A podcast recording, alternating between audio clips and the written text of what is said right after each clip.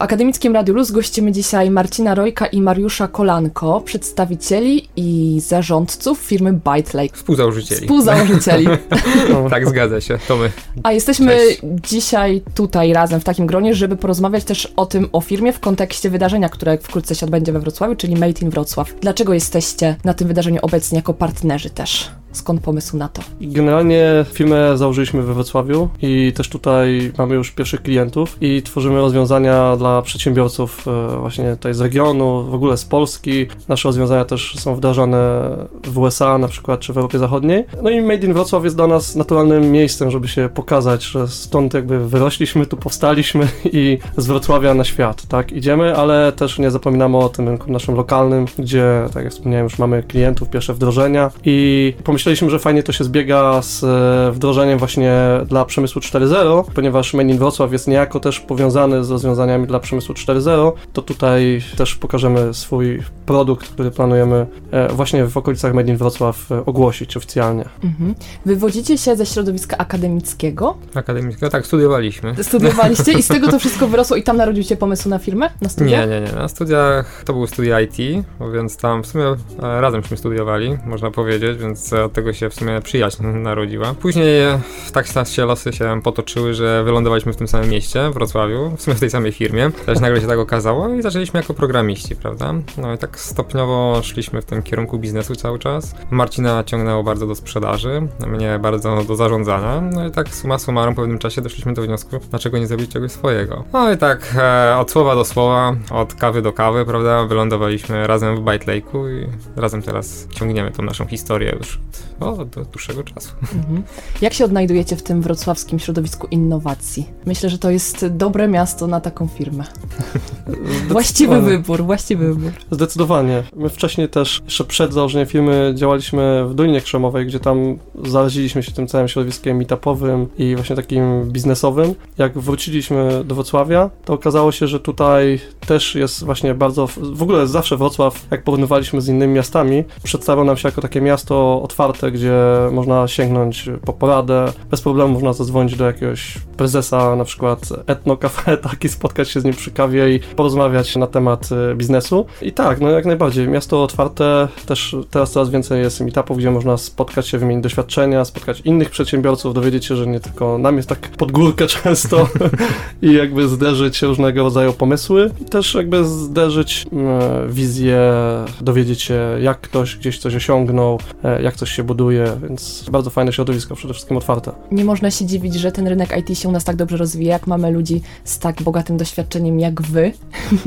w tej branży. Co daje bycie za granicą i rozwój, żeby potem to przenieść na nasz rynek tutaj lokalny? Myślę, że przede wszystkim łapie się troszeczkę inną perspektywę, bo jak się spojrzy na przedsiębiorców, dużo popada w taką, być może nie jako pułapkę, że skupiają się tylko na rynku lokalnym i później mają gdzieś wizję, że z lokalnego przejdą na częściowo globalny i tak dalej. Natomiast z naszego doświadczenia wynika, że e, lepiej jest od razu od samego początku myśleć o ekspansji globalnej, jednak tych partnerów szukać i u siebie, ale też i globalnie. Poza tym to jest e, dużo większe doświadczenie. Tak. Lepiej od, wiadomo, że nabywa się e, w komunikacji z, z innymi osobami, z innymi nacjami, z innymi e, może państwami. W każdym państwie to trochę inaczej wygląda, prawda? Ale nie jest to oderwane totalnie od rzeczywistości naszej, więc to dużo daje doświadczenia. Wiadomo, przez doświadczenie łatwiej się później podejmuje decyzje. E, Nabierając czy to na wschodzie, czy na zachodzie, to w sumie nie ma znaczenia. Przychodzimy tutaj i w tym momencie widzimy, że są pewne podobieństwa, ale są też pewne różnice. E, Jak to doświadczenie, prawda?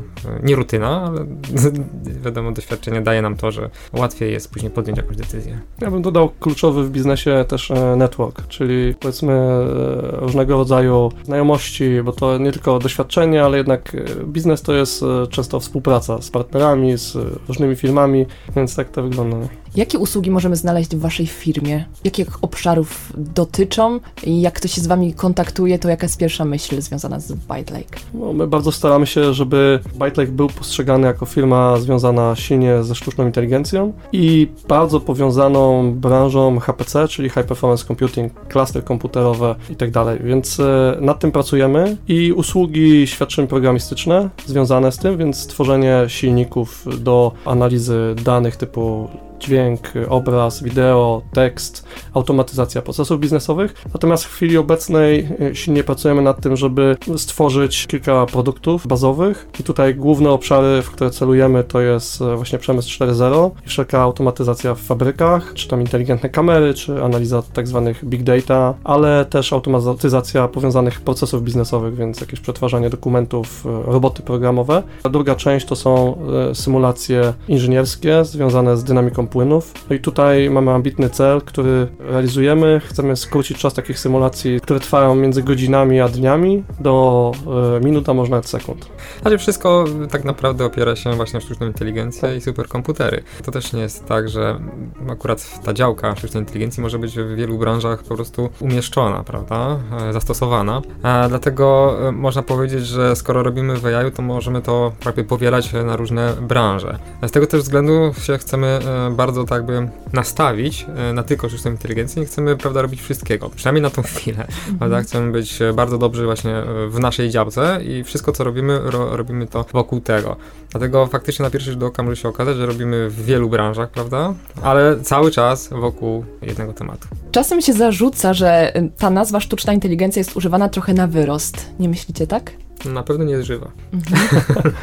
tak, znaczy my generalnie używamy takiego słowa, zwrotu e, rozszerzona inteligencja, czyli tam z angielskiego zamiast artificial to augmented intelligence. Mhm. Wiąże się to często z tym, że z jednej strony sztuczna inteligencja to jest teraz taki buzzword, jak parę lat temu IoT, nagle wszystko było IoT, krypto, tak, i dużo mhm. takich różnych było haseł i pewnie jest też duże pole do nadużyć gdzieś tam po drodze. Natomiast co do e, definicji, czy co do powiedzmy zakresu sztucznej inteligencji, no to to są wszelkiego rodzaju mechanizmy czy programy komputerowe, które jakoś są w stanie nas e, albo odciążyć e, z nudnych zadań typu na przykład przepisywanie setek tysięcy faktur do systemu, albo wręcz wspomóc. I tu mamy na przykład rozwiązania, które przy pomocy kamer są w stanie gdzieś zajrzeć w niebezpieczne obszary, dokonać jakiejś analizy i przedstawić nam jakieś takie podsumowanie, co tam się dzieje, tak? W kulturze popularnej pewnie teraz wszystko jest sztuczną inteligencją, natomiast docelowo jest to taka automatyka, która opiera się gdzieś e, na danych i na dużej ilości danych. No poza tym to wydaje mi się, że to jest naturalny proces, jak wchodzi coś nowego, to każdy chciałby to dotknąć chociaż palcem, prawda? No, tak samo jak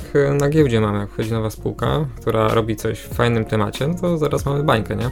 Na tym, no i gdzieś to kiedyś musi się ustabilizować, więc tak samo jest tak. z każdą nowością wchodzącą na rynek. Każdy chce i szuka swojej gdzieś tam niszy, nie? A, a że mamy tyle ludzi, ile mamy, no to każdy chce spróbować, prawda? Ale w pewnym czasie pewnie się to ustabilizuje. Czy widzicie jakieś zagrożenie w tym? W tak szybkim rozwoju, w perspektywie tych kilku lat, tego co już się wydarzyło na rynku i co jeszcze może się wydarzyć?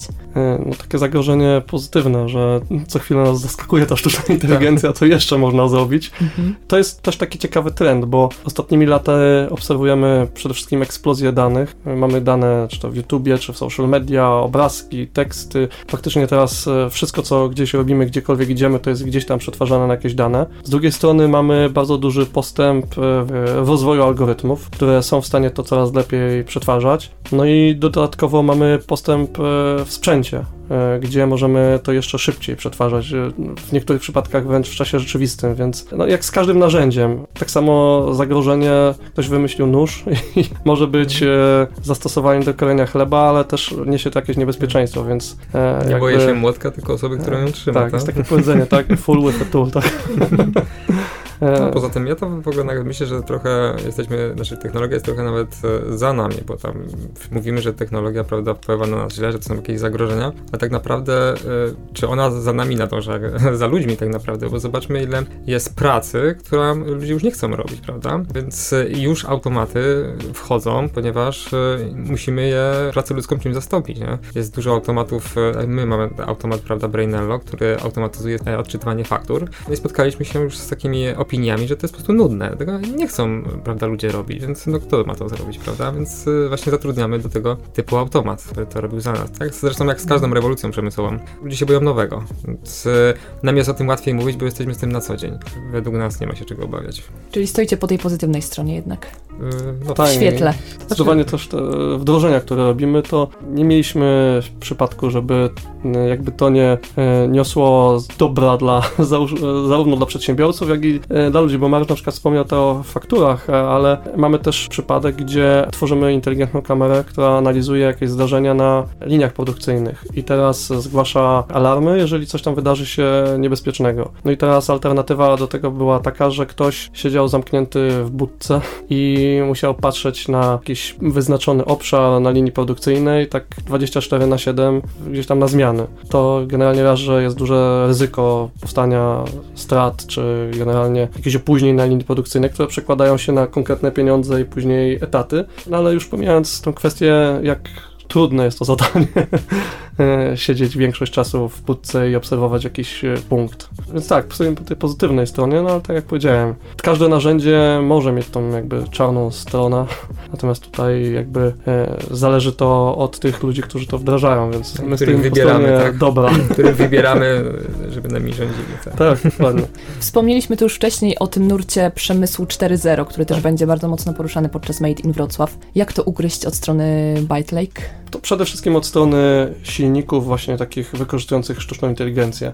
My tworzymy bazę, która pozwala wdrażać rozwiązania, które tak właśnie szeroko są określane jako przemysł 4.0, więc jakaś automatyzacja i w naszym przypadku to jest przede wszystkim analiza obrazów z kamer i właśnie e, monitoring, automatyczny monitoring na przykład e, jakości produktów na liniach produkcyjnych, wykrywanie różnego rodzaju e, zdarzeń niebezpiecznych, na przykład coś się urwało, jakaś lina za chwilę może pęknąć, ale też analiza big data, czyli danych z czujników i tutaj mamy bardzo ciekawe tematy związane z na przykład z rolnictwem, prawda? Tak, to jest e, też można powiedzieć trochę pochodna, prawda? Bo jeżeli umiemy monitorować to, co się dzieje w fabryce, to mo możemy też monitorować to, co się dzieje, prawda, na polu. To też jest e, powiązane. Kwestia jest tylko po prostu dobrania sieci i ją przetrenowania. No i oczywiście zbioru danych. E, To wszystko musi być razem ze sobą współgrać. Tak naprawdę od e, agriculture, czyli od rolnictwa, e, przechodzimy prawda, płynnie do, do naszej, można powiedzieć, e, najnowszego dzieła, gdzie doszliśmy do wniosku, że możemy nawet środowisko w tym wspomóc i tutaj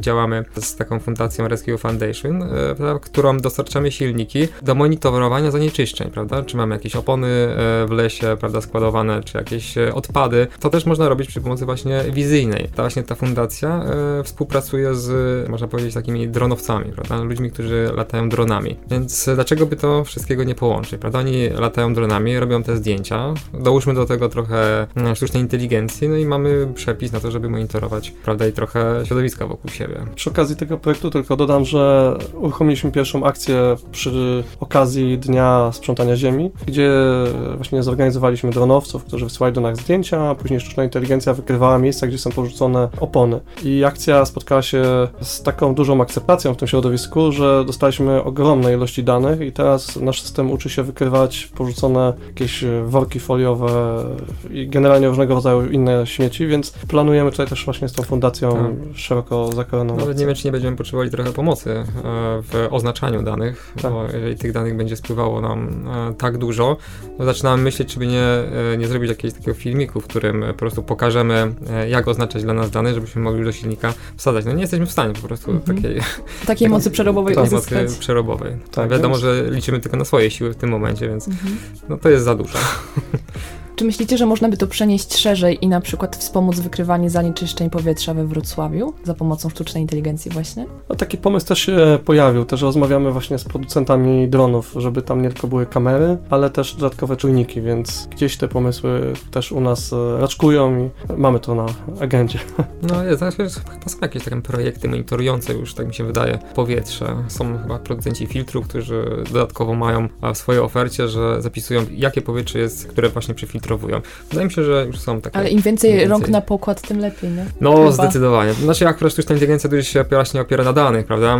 Trzeba dużo, e, można powiedzieć, ręcznej pracy w to włożyć, żeby później można było Mhm. skorzystać z automatu. To jak najbardziej. Jakie są wasze perspektywy na przyszłość w rozwoju firmy? Tak jak poniekąd wspomnieliśmy, przede wszystkim rozwój tych naszych kluczowych produktów, więc e, Cognitive Services, czyli taki powiedzmy zestaw silników dla właśnie przemysłu 4.0, to głównie analiza big data i analiza obrazów z kamer do inspekcji czy tam monitoringu jakości na liniach produkcyjnych i nasz drugi produkt e, związany z tą automatyzacją właśnie Brainello, czyli automatyzacja procesów biznesowych, czyli odczytywanie dokumentów. E, no i teraz takie nasze najnowsze dziecko, które ogłosiliśmy w listopadzie. To właśnie u nas się nazywa AI for CFD Suite, czyli e, sztuczna inteligencja dla symulacji e, związanych z dynamiką płynów i gazów. I to właśnie to, co wspomniałem, że skrócenie czasu tych symulacji z e, godzin, czasem dni, czasami nawet tygodni, do sekund, minut, więc ten przedział. Już mamy pierwsze wyniki, takie nieoficjalne, natomiast